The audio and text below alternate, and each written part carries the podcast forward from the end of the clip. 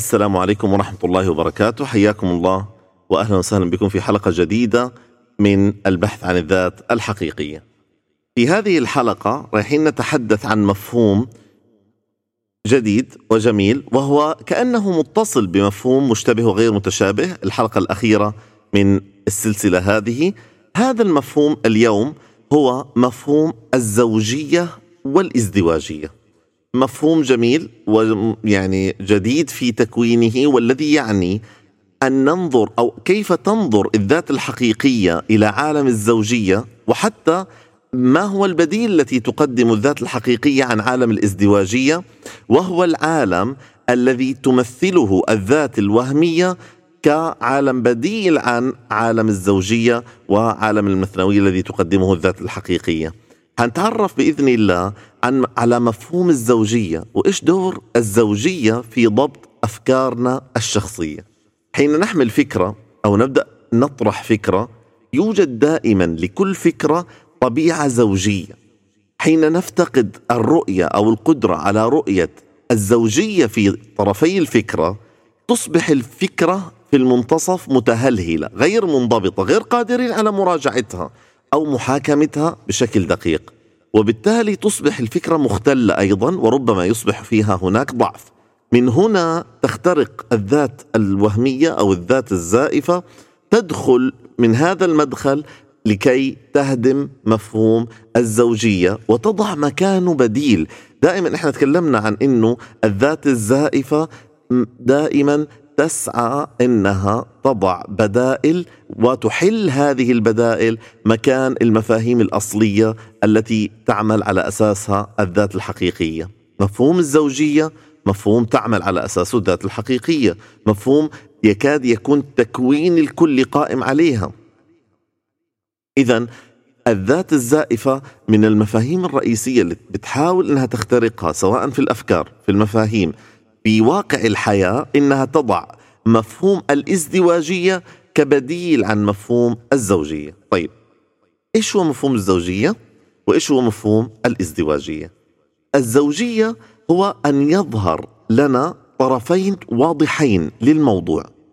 لكل طرف يوجد صفات تناقض الطرف الآخر مناقضة تامة بحيث لكل من هذين الطرفين دور وصفات متكاملة في ذاتها يعني مترابطة مع ذاتها طرحنا فكرة الترابط الذاتي والترابط مع الفعل أو التكوين أو المفهوم الذاتي وذاتية المفهوم في مقطع اسمه الذاتية إذا تذكروا مقطع سابق من هذه السلسلة.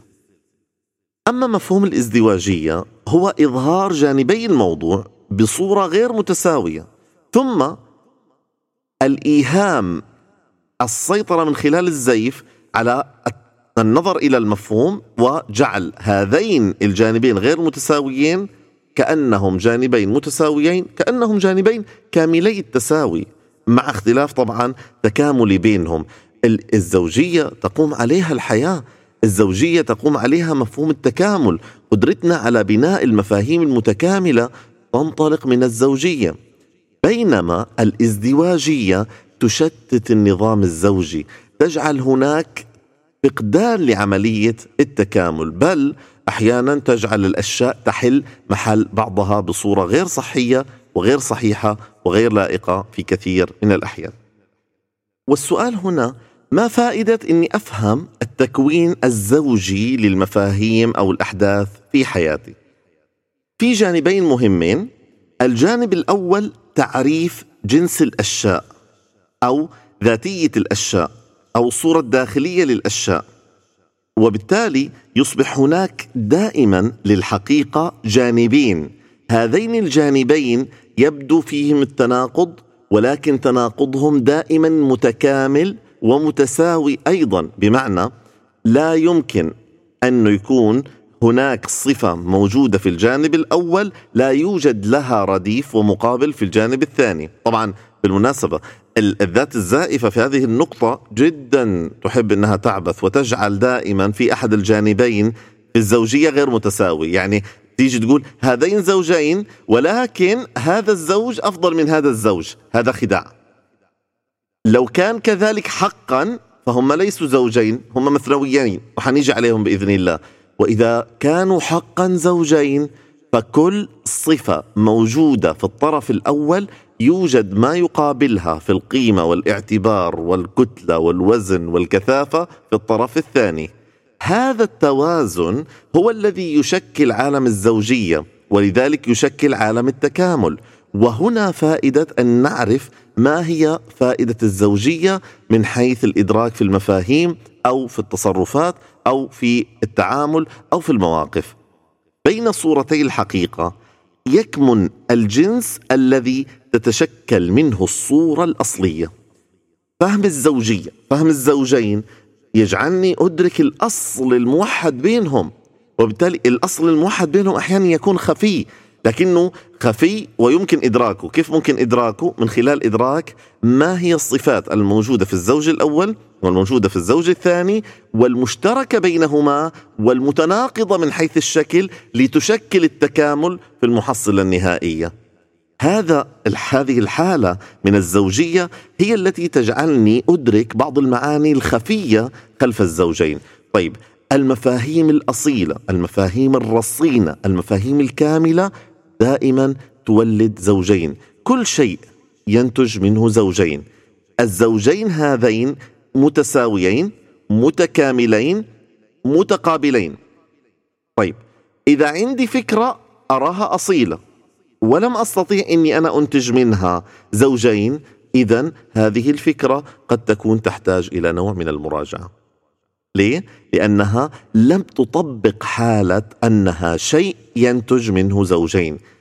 كل شيء متكامل كل شيء حين يكون شيئا حقيقيا كاملا ينتج زوجين متكافئين متساويين. طيب كل زوجين متكافئين متساويين يدلان على أصل على أصلهما. وبالتالي كل زوجين عشان أتأكد إنهم سليمين علي إني أتأكد من تكافؤهم تقابلهم تكاملهم ثم بعد ذلك أنظر إلى أصلهم وأبحث عن الأصل المشترك بينهم. وهذه أهم شيء بيساعدنا فهم مفهوم الزوجين على ادراكه في حياتنا اليومية. طبعا بعض بعد قليل حنشوف بعض الجوانب اللي حتساعدنا على فهم التطبيقات لمفهوم الزوجية وقيمة الزوجية وإدراكها في المفاهيم والأحداث الحياتية. أيضا هناك فائدة أخرى من فهم الزوجية وهي إدراك المسافة الكائنة بينهما.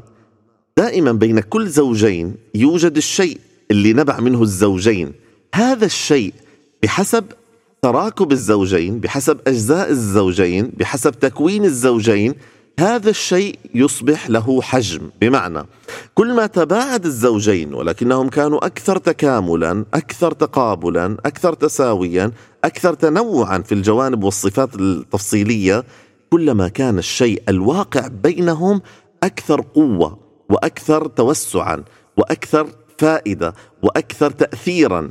كلما كانت الزوجية الصفات قصيرة أو صغيرة بين الزوجين أو المسافة قليلة بحيث إنه جدا الزوجين يكادان يشبهان بعضيهما فيصبح هنا التأثير فيه نوع من الضعف على المفهوم الكلي. حضرب مثال جدا بسيط عشان نستوعب بس فكرة الزوجية كمثال تقريبي لغاية ما نوصل للتطبيقات العملية بإذن الله.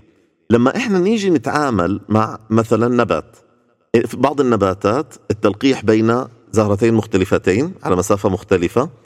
هذين أو هاتين الزهرتين لما يتناقل التلقيح بيكون في مجموعة عوامل مؤثرة إلى درجة أنه أحيانا بيسببوا لنا الحساسية الربيع.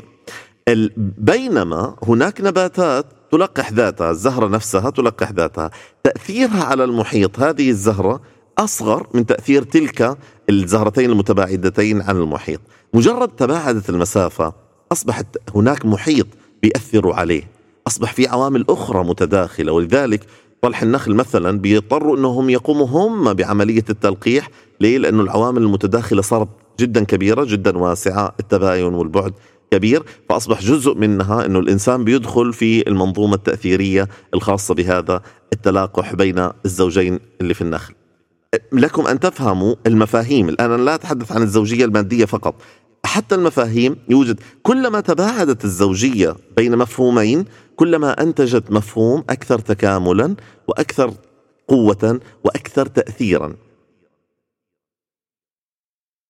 إيش اللي بتسويه الذات الزائفة عشان تحول الزوجية إلى ازدواجية؟ هي بتأخذ أحد الزوجين في أحد المواضيع وتزيح موضعه بالنسبة للزوج الآخر. مثلا يجي واحد يقول من لم يتوافق معي فهو يحارب الفكر. الحقيقة من يحارب فكري فهو يحارب الفكر من يحارب تفكيري من يحارب أني أفكر فهو يحارب الفكر. لكن ليس من يحارب ذات فكري يحارب الفكر. يعني يأتي شخص يقول أنا غير مقتنع بفكرتك أنا عندي فكرة أخرى بديلة. فيأتي الشخص المعترض عليه ويقول أنا لأنك اعترضت على فكري فأنت تحارب الفكر. ليس صحيحا أنت تحارب فكرتي ولا تحارب الفكر. لكن إذا منعتني أفكر منعتني أني أنا أطرح فكرتي أني أنا أناقش فكرتي فأنت تحارب الفكر. هذه العملية هي عملية إزاحة تقوم بها الذات. الزائفة عشان تشغلنا عن التطور اللي موجود في الذات الحقيقية من خلال تكوين زوجين متقابلين. بمعنى عندي هنا فكر. هذا زوج. الزوج الذي يقابل الفكر المقابل. جميل؟ إذا عملت إزاحة الذات الزائفة فقالت كل من قال فكرة غير فكرتي هو يحارب فكري. هذه عبارة عن عملية إزاحة فقد الزوجية. لكن كل من قال فكرة تخالف فكرتي هو يقوي فكرتي ينشطها يواجهها يجعلها أكثر قدرة على الاتصال بالأفكار الأخرى سواء بالاتفاق أو الاختلاف. لاحظوا الزوجية هنا إيجابية. بينما يأتي أحد فيقول أنا أناقش فكرتك بالفكر ولذلك أمنعك أن تطرح فكرك. فنقول لا هذه ليست زوجية أنت أزحت. الزوجية من أن تطرح فكرة مقابل فكرة إلى أن تطرح فكرة مقابل سماح أو منع لا الفكرة أن تطرح. هذا شيء آخر. أنت لم تطرح فكرة مقابل فكرة. صورة ثانية من صور التزييف اللي بتقوم فيه الذات الزائفة لتغيير الزوجية إلى ازدواجية إنها تأتي تصنع توهم أو تصنع زيف أو خداع أنه الزوجين الغير متساويين أو الغير الموجودين على طبقة واحدة تجعلهم على طبقة واحدة. بمعنى يأتي أحد يقارن مثلا كلام شخص متخصص علمي في كلام موجود في المجالس أو نقد فيقول أوه أنتم كمان عندكم فكرة زي الأفكار اللي موجودة اللي إحنا بنقولها في مجالسنا.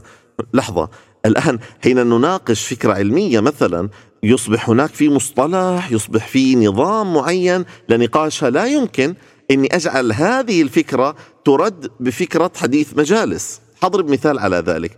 لما يجي يقول شخص لغوي يقول علينا أن ندرك تصنيف الكلام.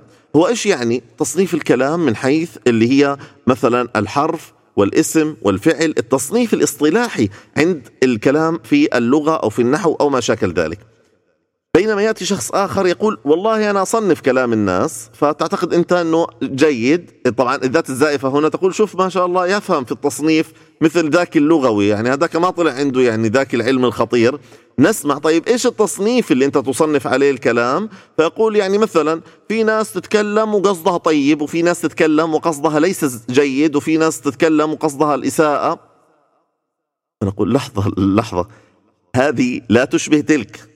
لا يعني أنك وهذه تحدثنا عنها في مشتبه وغير متشابه أنه لا يعني استخدام المصطلح الواحد في مستويين مختلفين لا يعني نفس المعنى ولا أنهما زوجين متقابلين ولا يكمل بعضهما البعض ولا يفيد بعضهما الآخر. ولذلك لكن فرق كبير بين لما أنا أجي أقول مثلا في النحو عندي المدرسة الكوفية والمدرسة البصرية وهذه المدرسة تطرح المسائل الإعرابية من هذا الوجه والمدرسة الثانية تطرح المسائل الإعرابية بصورة أخرى هنا أبدأ أتحدث عن شيء مختلف. هنا في تقابل. لما أجي أقول الطرح الطبي الذي يناقش الغدد بهذه الطريقة واحد اثنين ثلاثة وهناك أيضا نظرية أو مدرسة أخرى تختلف مع هذه المدرسة فتناقش نفس الغدد ولكن بترتيب مختلف أو بتأثير مختلف؟ فنقول صحيح. هاتين الفكرتين زوجيتين لكن لما آتي أخلط كلام متخصص في مصطلح متخصص بكلام غير متخصص في مصطلح غير متخصص وأجعلهم يقابلان بعضيهما فهذه أحد صور استخدام الذات الزائفة للزيف للتشتيت عن الزوجية الفكرية نحو الازدواجية. فيصير إحنا جالسين نتحدث على مستويين فكريين مختلفين أو موضوعين حتى أحيانا مختلفين أو معنيين مختلفين للمصطلح الواحد والتضليل يكون من خلال إنه بنستخدم مصطلح واحد بنستخدم أسلوب واحد بنستخدم فكرة واحدة اتجاه واحد. كل هذا لا يجعل العلاقة بين الفكرتين المختلفتين علاقة زوجية وإنما علاقة ازدواجية ولكن الذات الزائفة بتحاول تضللنا بأنها تقنعنا بأنه هذه العلاقة هي علاقة زوجية وليست علاقة ازدواجية. طيب عندي صورة ثالثة أيضا بين في تحويل الذات الزائفة للازدواجية أو للزوجية لتجعلها ازدواجية.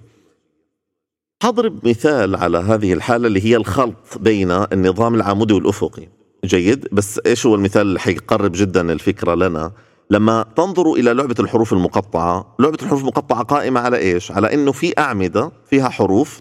هذه الحروف عبارة عن كلمة في كل عمود. وفي عندي أيضا سطور أفقية في كل سطر يوجد حروف تتقاطع الأعمدة مع السطور. السطور طبعا كل سطر فيه كلمة أيضا. والعمود كل عمود فيه كلمة. لكن يوجد بين كلمة الكلمة الأفقية اللي موجودة في السطر والكلمة العامودية الموجودة في العمود يوجد حروف تتقاطع مع بعضها. فيأتي شخص يقول ما دام أن الكلمة هذه تتقاطع مع هذه في الحرف اللي في المنتصف فهذا يجعل الكلمتين شيئا واحدا. هل هذا يعقل؟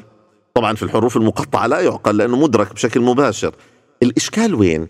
إنه كثير من أفكارنا اللي حتى بنائها مختلف يعني بعض الأفكار عمودية متعمقة وبعض الأفكار أفقية شمولية سطحية بتقرأ عن السطح بشكل مباشرة نجعلهم وكأنهم فكرة واحدة اتجاه واحد تكاثف واحد. بينما هذه فكرة أكثر تعمقا وهذه فكرة أكثر شمولية وكون هذه أكثر شمولية فبيدخل فيها أجزاء متعددة وكون هذه أكثر تعمقا ففيها نوع من التخصصية مجرد تقاطعهم في جزئية واحدة لا يعني بالضرورة أن يكونوا فكرة واحدة.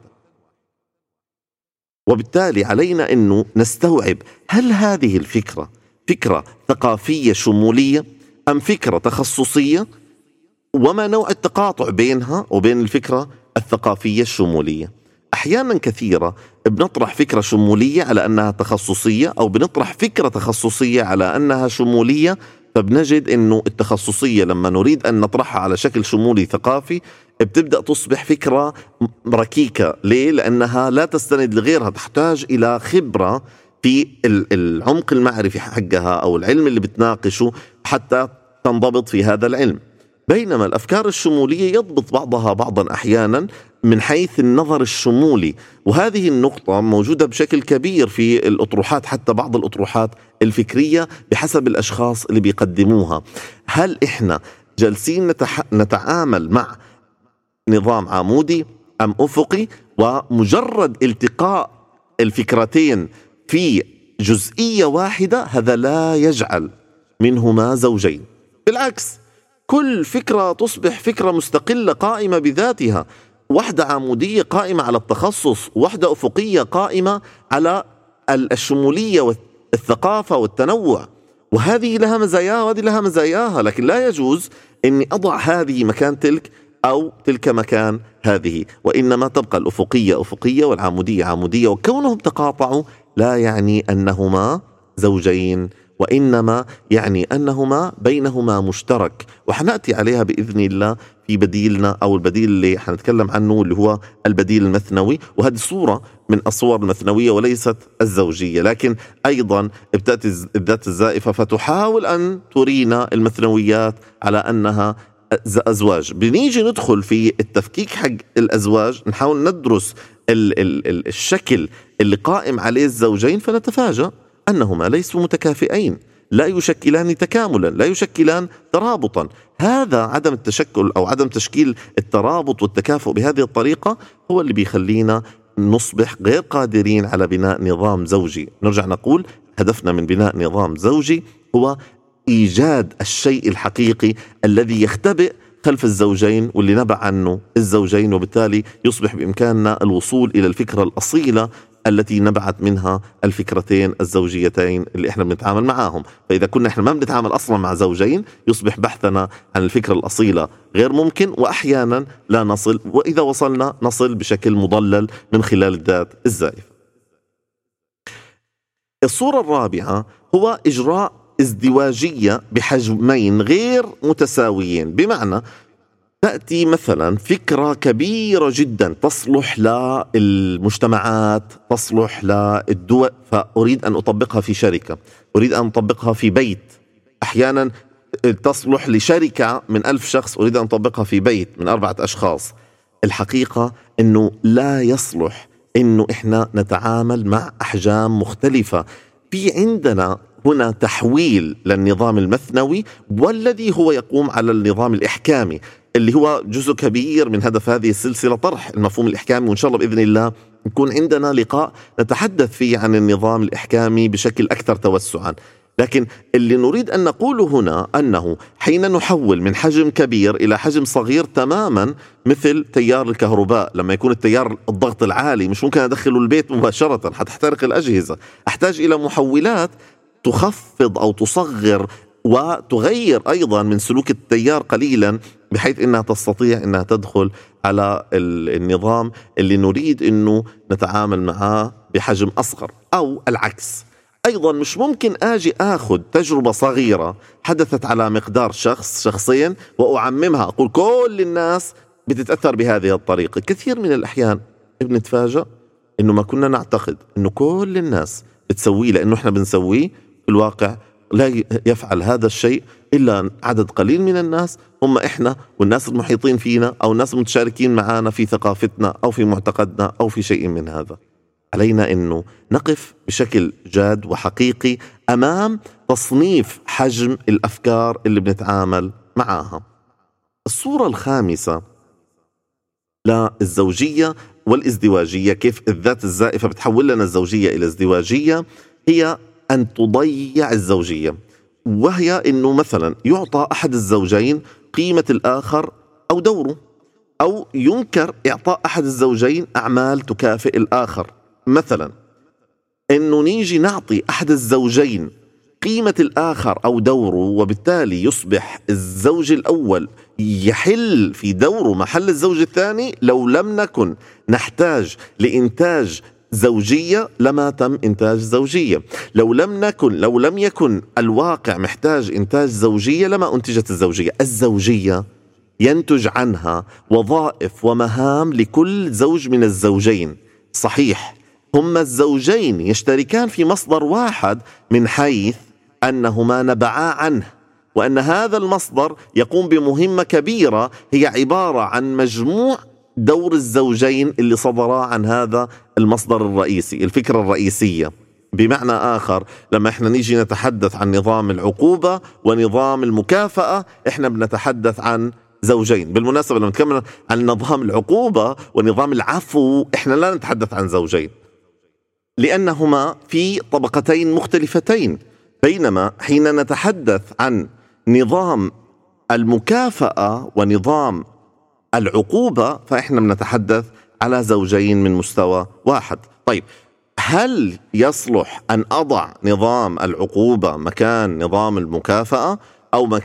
نظام المكافأة مكان نظام العقوبة؟ هذا لا يصلح. مع العلم إنه الاثنين يقوموا بعملية التحفيز الإيجابي والسلبي. الصورتين للتحفيز لكنه الاثنين لهم شيئا واحدا يشتركان فيه. أيضا إنكار إعطاء أحد الزوجين أعمال تكافئ الآخر. بمعنى أجي أقول فقط علي أن أركز على نظام العقوبات. راح أنتج فكر منظومي مختل. حيكون عبارة عن يميل إلى أنه يواجه العقوبة. أو أجي أقول فقط راح أتحدث عن نظام مكافآت وألغي نظام العقوبات تماما. هنا أيضا راح أنتج فكر أو جزء من منظومة مختلة. إيش المطلوب؟ المطلوب إني أنتج زوجية متكافئة وأعطي كل ذي حق حقه حتى يبقى النظام نظام غفراني زي ما تكلمنا في مقطع الغفران مشدود بطرفي الفكرة الزوجية للوصول إلى التأثير اللازم أو طرح الفكرة بالشكل الواضح أو إيضاح المفهوم بالشكل المتكامل. حتى نستجيب للإصلاح الزوجي، ماذا علينا ان نفعل؟ حتى نعود إلى الزوجية تاركين الازدواجية في مفهوم جدا مهم لازم نستوعبه قبل ما نعود إلى إصلاح الزوجية، هو في الواقع البديل الحقيقي عن الازدواجية وهو المفهوم المثنوي، إيش هو المثنوية أو المثاني؟ هي إنها تجمع صفة أو أكثر من صفة مشتركة بين موضوعين مختلفين من غير تطابق يجعلهم زوجين، يعني زي فكرة الحروف المتقاطعة أو الكلمات المتقاطعة. كونهم بيتقاطعوا في الحروف هذا لا يعني أنهم زوجين لكن يوجد علاقة بينهم. هذه العلاقة علاقة مثنوية. بينهم مشتركات واحدة أو أكثر تصنع منهم تطابق غير كامل. هذا التطابق الغير كامل يجعلهم غير زوجين ولكنهم يصبح بينهم علاقة تسمى العلاقة المثنوية. لاحظوا هذه الكلمة فيها حروف بتغذي تلك الكلمة وهذه الكلمة فيها حروف بتغذي تلك الكلمة فبتشكل ترابط وشبكة مترابطة بينها وبين بعض. بحيث يساعد ذلك على إيضاح صفاتهم التفصيلية لا ذواتهم الإجمالية، إحنا اتفقنا إنه في الزوجية هدفنا أن ندرك الصفة الإجمالية الذاتية التكوينية الكلية لكل طرف من الزوجين. في المثنوية الفائدة إنه بنفكك الأجزاء بتخلينا نكتشف يكون عندنا حساسية أعلى تجاه أجزاء المفهومين المتشابهين أو المتقاطعين أو المترابطين من خلال مثنوية، طبعا المثنوية لازم يكون في بينهم تقاطع إما تقاطع كامل زي فكرة الحروف المقطعة أو إنه يكون بينهم نوع من التساوي والتقارب في جانب أو إنهم أصلا يكونوا على جانب مشترك أو إنهم يكونوا أقرب إلى حالة الجوانب. لكنه صعب جدا إنه مثلا يكونوا في طبقتين تماما مختلفتين برضه هنا مش حتكون عبارة عن مثنويه وإنما حتكون ازدواجية. الخطوة الثانية نحو إنه كيف نصلح الازدواجية اللي بتصنعها الذات الزائفة هي أن نوظف الزوجية لفهم التباين بين المفاهيم في ذاتها. بمعنى نشغل عقلنا إنه ينظر إلى الزوجية من حولنا يحاول يكتشف الأشياء اللي نراها أنها زوجين ما العلاقة بينها؟ وليش متباينة؟ وكيف تتغير في الظاهر لتشكل تكامل في الداخل بمفهومها الكلي؟ ما هي الأفكار الزوجية اللي هي أفكار متعارضة يمكن أو متناقضة لكنها بتشكل في المنتصف مشترك واحد؟ وما هي الأفكار الازدواجية اللي هي في الواقع فكرتين يعملان على منظومتين مختلفتين أو توجهين مختلفين أو مساحتين مختلفتين أو مسطحين مختلفين؟ إيش الشيء اللي بيخلي المفهوم ازدواجي وإيش الشيء اللي بيخليه المفهوم زوجي؟ طبعا إحنا ذكرنا هذا في التفصيل في هذا المقطع إنه نبحث عن الزوجية في الأشياء.